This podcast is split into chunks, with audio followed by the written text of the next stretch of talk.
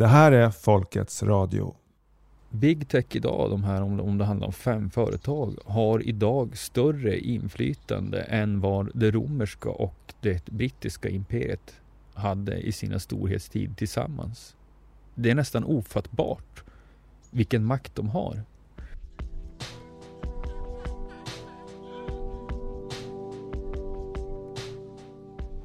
Och de kan så fort du har fel åsikt så försvinner hela ditt konto. Men det handlar inte bara om att, att konton försvinner. Det handlar inte bara om att människor censureras. Det är vad vi ser. Det vi inte ser, det ser vi inte. Jag brukar säga att i, i cyberrymden kan ingen höra dig skrika. Albin Lindgren beskriver sig som en inbiten Folkets Radio-lyssnare. Han hörde av sig för att dela med sig av sin frustration över att så många dissidenter och regimkritiker fortsätter bedriva sin opposition på big tech. De vill att man ska följa dem på Facebook, Twitter och Youtube. Jag måste erkänna att jag kände mig träffad av kritiken. Vi gnäller över det allt mer totalitära klimatet. Kanske delar en skärmdump av senaste censurbeskedet från Facebook. Som en misshandlad partner som visar upp sin blåtira för att få medlidande men ändå stannar kvar i tyranniet. Många har säkert sett bilder på hur, hur nazisterna och även kommunisterna hur man hade stora bokbål där man brände böcker, farliga böcker, eh, åsikter eller fakta som ifrågasatte narrativet. De brändes. Det var fysiska bokbål med rök och eld som vi i alla fall kunde se. Idag försvinner saker hela tiden från internet och vi har ingen aning om det. Vi som aldrig har sett det ser inte det som tas bort. I den här intervjun berättar Albin om sin egen resa bort från de stora techplattformarna och om vänskapen med den kontroversielle medborgarjournalisten Beshir Rabbani. Ja, jag vet inte om vi bara var att no, no, någonting, alltså Beshir Rabbani fick ju väldigt, väldigt många vänner. Han, han var ju på något sätt som en så starkt brinnande sol alltså. Det var en sol som under en tid lyste i den svenska åsiktskorridoren men som tyvärr slocknade i förtid. Det som hände var att Bashir hade precis gjort en film som fick väldigt stor spridning. Och i den här filmen, på slutet, det allra sista jag ser den här filmen, så ser jag Bashir Abani sitta och prata och han eh, skakar på ett sätt som gör mig väldigt orolig. Jag, fick, jag, fick, jag såg direkt att det var någonting som var jävligt fel.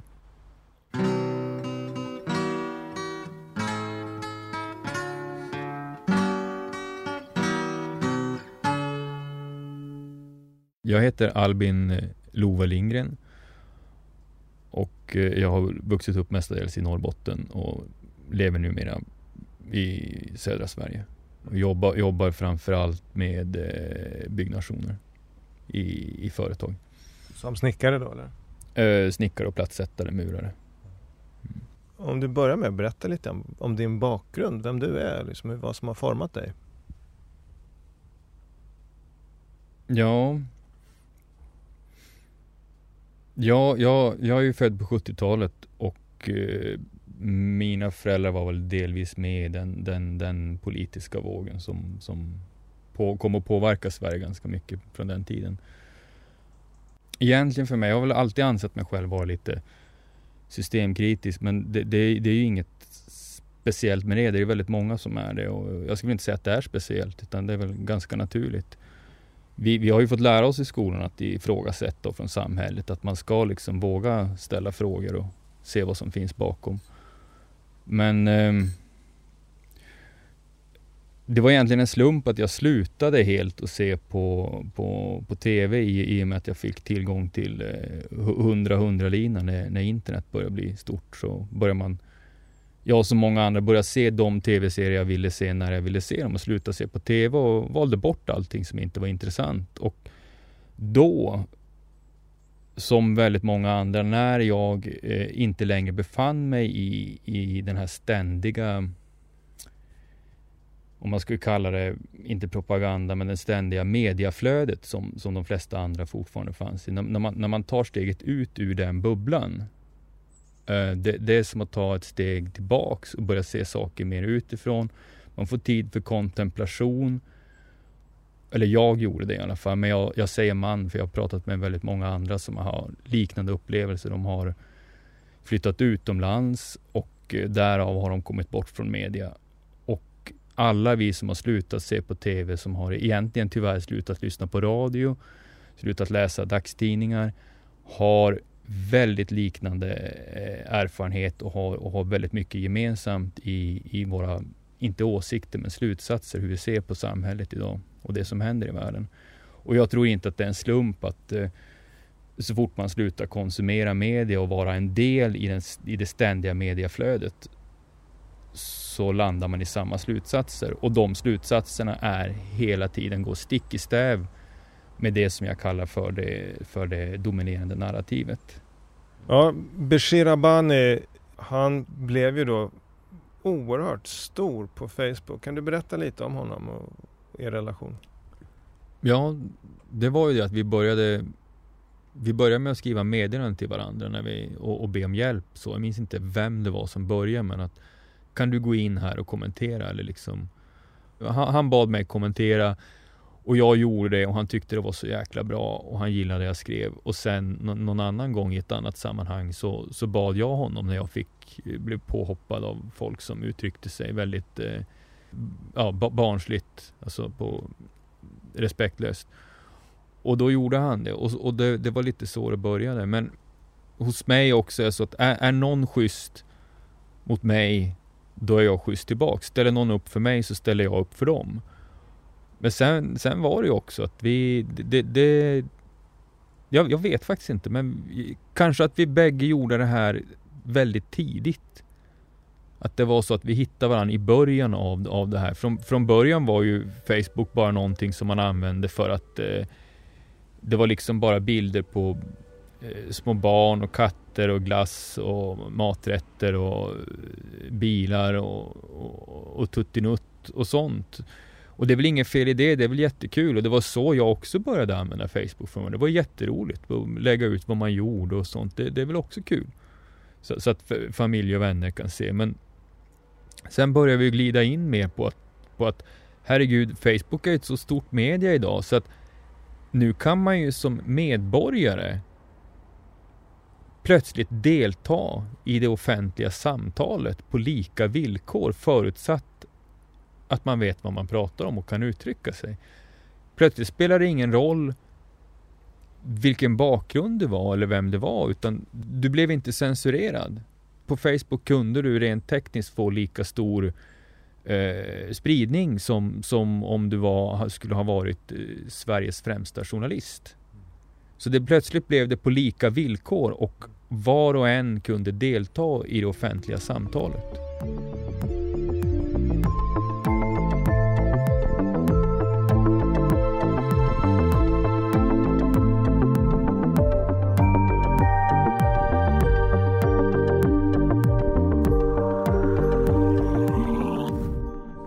Det här är ju faktiskt innan eh, de så kallade algoritmerna och nya Facebook timeline och allting det kom. När, när Facebook fortfarande var organiskt. Där det fortfarande var så att den som kunde argumentera, den som var påläst och visste vad han pratade om, fick väldigt stor spridning. Om vi då tittar på hur Bashir Abani, som var totalt okänd, ingen titel, eh, ingen högre utbildning. Han, han fick på väldigt kort tid, jag tror han hade närmare 30 000 vänner på, på Facebook. Det gick väldigt fort. Och eh, där ser man lite grann att... Flera ja. konton också va? Ja, han, han, hade flera konton. Och jag, jag, jag förstod det som att du kunde bara ha ett visst antal vänner per konto, så han startade flera konton. Det fick man egentligen inte göra. Polare och vapendragare i det virtuella bestämde sig Albin och Bashir att de skulle träffas på riktigt. Vi, vi hade bägge haft lite livskriser och, och börjat få, som gjort att det lite kommit emellan. Vi hade ett tag kommit ifrån varandra och så började vi lite grann hitta tillbaks. dels hade vi pratat om att vi skulle träffas och vi och jag hade flyttat så vi bodde inte så långt ifrån varandra. Men så märker Albin när han ser en film som Bashir har lagt ut att han inte verkar må bra. Och kände direkt att den här killen Bashir, nu, nu måste han, han måste fan ta sig till sjukhuset, till akuten omgående för att det här ser inte bra ut. När jag skulle ringa honom via Messenger så gick inte detta därför att eh, han var eh, blockerad. Alla hans konton var blockerade. Så han var totalt blockerad från Facebook och jag kunde inte ringa honom. Och jag hade den här oron i mig på kvällen och jag kände att jag måste få kontakt med Bashir för det är någonting som är jävligt fel. Och sen nästa dag när jag när jag står i, i, i en lunchkö och ska beställa lunch och står i kö så så tittar jag på, på ta upp telefonen och kollar på Facebook och då ser jag att eh, att Bashir Abani har, har, har avlidit.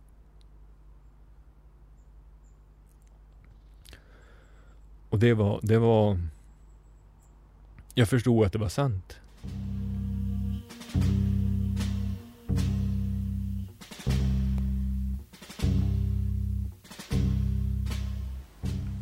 Hur kändes det liksom att inom citattecken träffa honom första gången på hans begravning?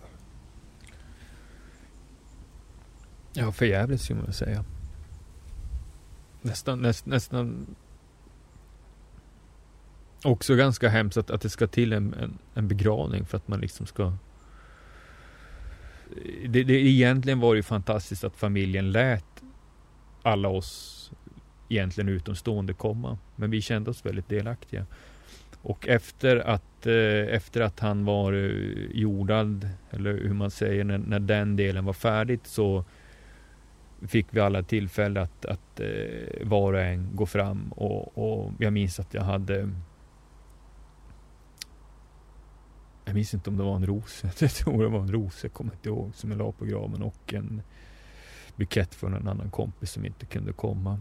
Och jag, jag skrev även i, i hans gästbok att eh,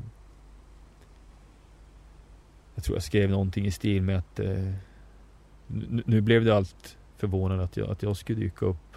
Men eh, jag grät så mycket när jag skrev så att jag tror det blev helt oläsligt.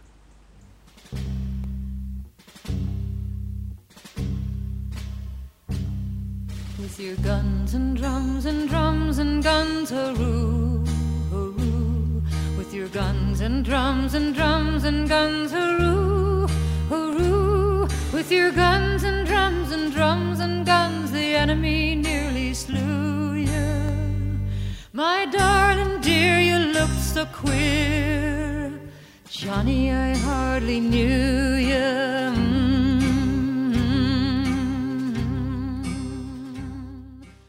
Då har vi lite grann, kan man säga, pratat om hur, även om, om det var oerhört sorgligt, vi har pratat om lite grann hur bra Facebook en gång i tiden verkade. Fast forward då till idag, vi kan sen prata om hur, hur det blev dåligt men idag så är ju du extremt kritisk till, till Facebook överhuvudtaget. Eh, synen på Facebook som ett forum där man kan bedriva någon sorts oppositionell verksamhet eller maktkritik. Ja, ja. Jag, jag skulle vilja säga att så länge opinionen ligger hos, eh, hos big tech så, vi, så, finns den inte. Då är den totalt, totalt kontrollerande. Så, så jag, jag, kan inte längre logga in eh, på någon sån plattform och så direkt se alla pekpinnar och allt skit de håller på med utan jag, jag måste bara därifrån. Men det, det jag skulle vilja säga om hur, man, hur, hur vi påverkas det jag märkt är ju, och det märkte jag ju hos mig själv också, man säger att hur, hur, du känner andra genom dig själv. Och jag tror att det är en sanning. Och det som händer är att när de som vill bedriva en opinion envisas med att hålla kvar vid någon av Big Techs plattformar. Och så vet de att det här och det här och det här får jag inte säga. Säger du fel saker så, så du får varningar. Eh, du får inte, du kanske är beroende av en inkomst från det, det arbetet du bedriver på plattformen. Det börjar med att pengarna, du får inga pengar. Och ju mer beroende man är av eh, till exempel en inkomst, det kanske har blivit ens arbete. Jag har aldrig jobbat så, men de, många gör det. De vet att säger jag det här, det får jag inte säga för att bli avstängd. Och då lär sig även de som följer den här opinionen att i sina kommentarer när de skriver vi får, du får inte skriva det, du får inte skriva det, du får inte säga det. Då lär de sig det. Då lär man ut till de som ska försöka föreställa opinionen vad de inte får säga. Och detta spiller över i verkligheten.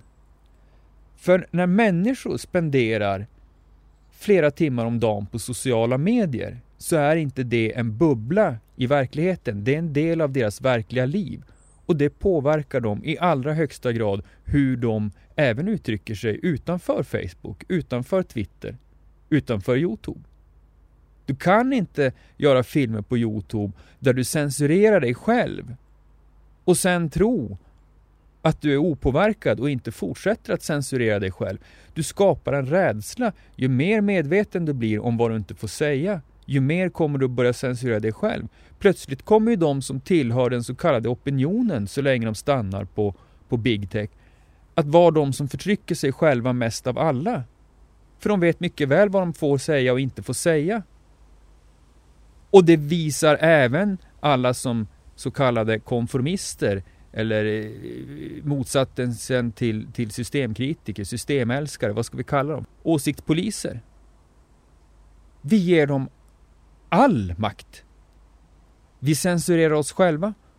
De kan uttrycka sig hur de vill och de vet att vi inte kan det. Och till slut kommer vi i våra mänskliga, det har redan gått så långt att vi våra, i våra mänskliga möten så vågar vi inte prata med varandra öppet. Mm. Och ja. Uh, jag tänkte vi ska titta lite på de argument då som folk, som jag hör i alla fall från folk, varför de stannar kvar på Facebook, om vi tar det som ett exempel. Uh, för jag har ju ofta på, påtalat det, liksom, att men hur länge ska vi hålla på och gnälla liksom, på att jäkla fascistboken, nu tog den bort det här, på totalt lösa grunder. Vi fortsätter att gnälla men vi stannar kvar. Mm. Uh, och då har jag fått höra ett argument jag har fått höra det är liksom att ja men eh, vadå, så länge vi är kvar finns det i alla fall några kritiska röster. Ska det då bli bara PK kvar liksom? Det är väl ändå här man ska vara kvar och fightas. Det är ett sånt argument då man hör. Mm. Vad tänker du om det? Du skrattar? Ja, precis tvärtom. Vad, vad var det? Jo, jo. Vore inte det fantastiskt om det bara var de som var PK kvar? För är det en, en sak jag har lärt mig om, om, om, om jag kallar det, jag ska inte säga fyra ord, men, men alltså konformister, de, de som de kan inte leva utan en konflikt. Den dagen det bara är PK-människor kvar på Big Tech så kommer de direkt att börja attackera varandra. För någon av dem kommer ju då inte vara, och vara lite mindre PK än någon annan.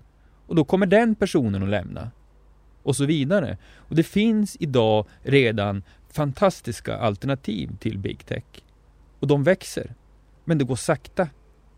Och så länge, just argumentet att, att, att man ska stanna kvar för att det här folket finns. Och jag hör må många gånger folk säga att ja, nej, men jag väcker människor och väcker ett uttryck som jag själv inte, inte använder för jag tycker det låter så lite nyreligiöst på något sätt. Men de tycker att de når ut till människor, det finns en publik och ja, du når ut till precis så många människor som behövs för att du ska stanna.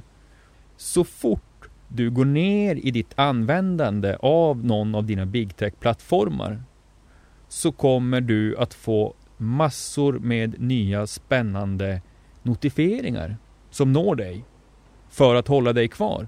Och du kommer alltid att ha precis så många nya följare och nya tittare som behövs för att du ska stanna kvar.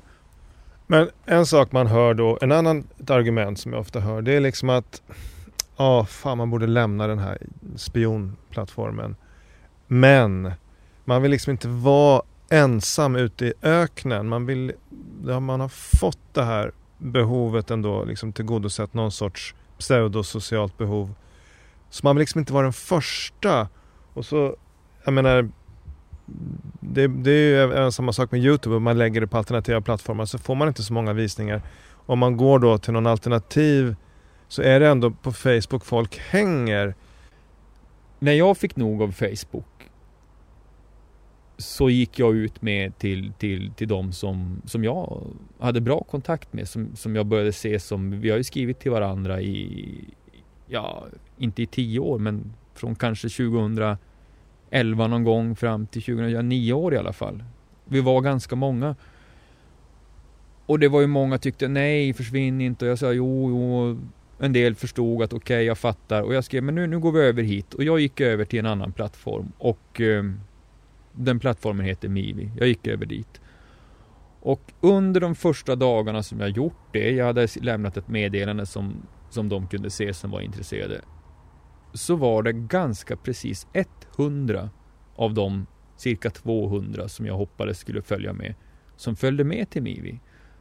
Sen gjorde de ingenting med. Sen satt de där på Mivi med sin en kompis eller fem kompisar. De skrev inga inlägg. De la inte till några nya vänner. De sökte inte efter folk eller grupper. De gjorde inte ett skit. Och så tyckte de att det var tråkigt. Det här händer ingenting. Men, men, men, men det går inte att säga att de andra är så små och obetydliga därför att du har att välja på att antingen så lägger du Antingen sätter du dig i händerna på Big Tech som har total kontroll över din sida, ditt material, ditt arbete, ditt, ditt spridande. Jag har sett eh, personer som till exempel Candace Owens som ena dagen, jag kommer inte ihåg siffrorna idag, men låt säga att de kanske hade i snitt över 100 000 visningar på varje film hon la upp. Pang bom så har hon 3-4 tusen visningar per film. Över en natt. Och det är så många som har hänt samma sak. Så att här gick man ett steg längre, man tog inte bort personer, man låter dem vara kvar. Men de får kanske bara ut 3, 4, 5 procent av den spridningen de egentligen hade. Så att eh, jag skulle vilja säga att ju längre vi väntar med att gå över till en ny plattform, ju längre förvägrar vi oss själv den friheten att dela och ta del av information. Och om ni inte går över till en ny plattform och börjar satsa på den så kommer den aldrig att växa. Men man kan göra på flera sätt. Visst, det är ju jäkligt lätt för, för sådana som Dan Bongino och Joe Rogan. Därför att de, hade, de var ju redan giganter på Youtube. Så när de säger att nu går vi över till, till Rumble så är det ju klart att det är folk som följer med. Visst är det så. Men i och med att de gjorde det har de ju också slutat censurera sig själv. Men det man kan göra Eh, innan man lämnar till exempel Youtube, det är att man i varje, det är ju såklart att man lägger upp på både Rumble och Youtube. Och i varje avsnitt så säger man att jag finns även på Rumble och om det här avsnittet tas bort så finns det kvar i sin helhet på Rumble och gå gärna in och stötta mig på Rumble för de censurerar inte. Säg det i varje avsnitt. Låt programmet ligga kvar på Youtube. Gör det. Men promota dig själv på en annan kanal. För den dagen, den, den dagen din kanal fimpas från Facebook eller Youtube, så kommer du att vara så jäkla tacksam att du en gång eh, lyssnade på någon som tipsade om att börja bygga en publik på en alternativ plattform. För då, har du, då är den den enda publiken du har kvar.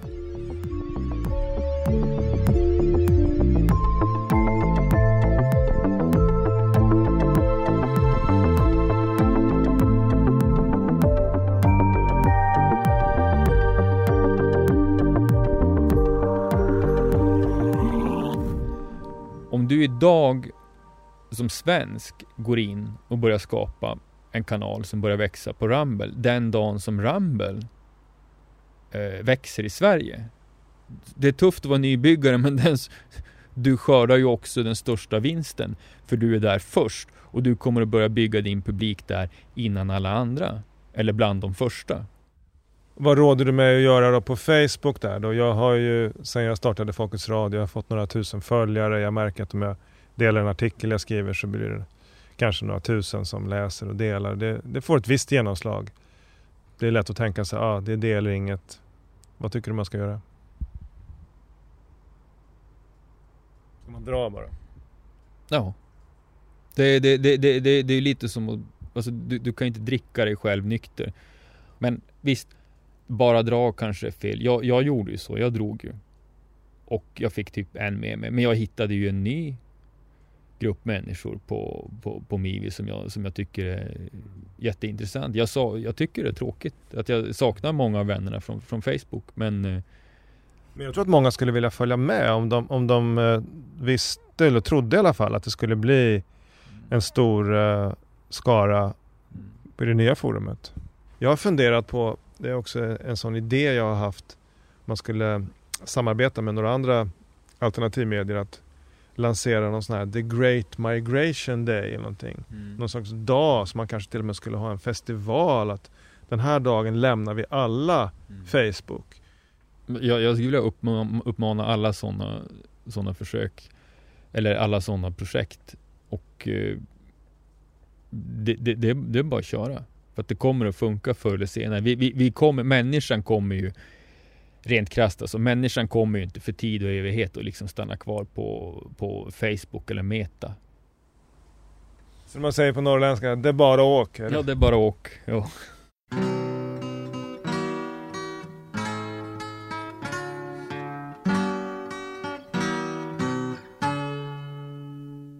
Jag, jag, jag hade själv bara utvecklat ett beroende. Jag, jag blev eh, jag var inte immun mot detta att, att liksom märka att eh, över hundra personer har gått in och likat ibland och, eller kommenterat och skrivit och delat. Det var, gjort, det var jättespännande och jag skrev ju om saker som jag brann för och människor liksom hakade på. Det var, det var jättespännande. Så jag var inte immun mot detta och men någonstans började jag bara känna ett, ett, ett sorts eh, avsky och det var, det var ju när det blev allt mer förnedrande och korkad censur som inte ens var logisk.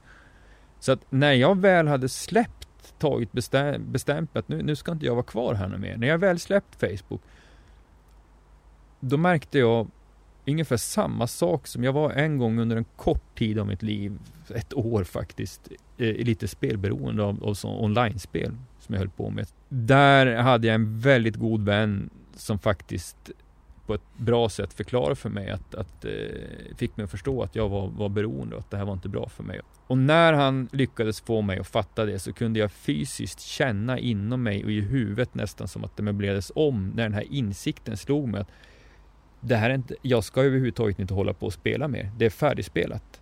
För det var så starkt inom mig. Jag kunde känna att, på många sätt att det var precis samma sak med Facebook. Så att när jag när jag slutade med Facebook så var det som att delar av, av, av, av eh, min mentala kapacitet kom tillbaks. Att det var som att jag kom ut ur, ur någon sorts eh, tunnelseende, no, någonting liksom kom tillbaks till världen. It's the sound of freedom calling Ringing up to the skies It's the sound of the old ways of falling You can hear it if you try You can hear it if you try.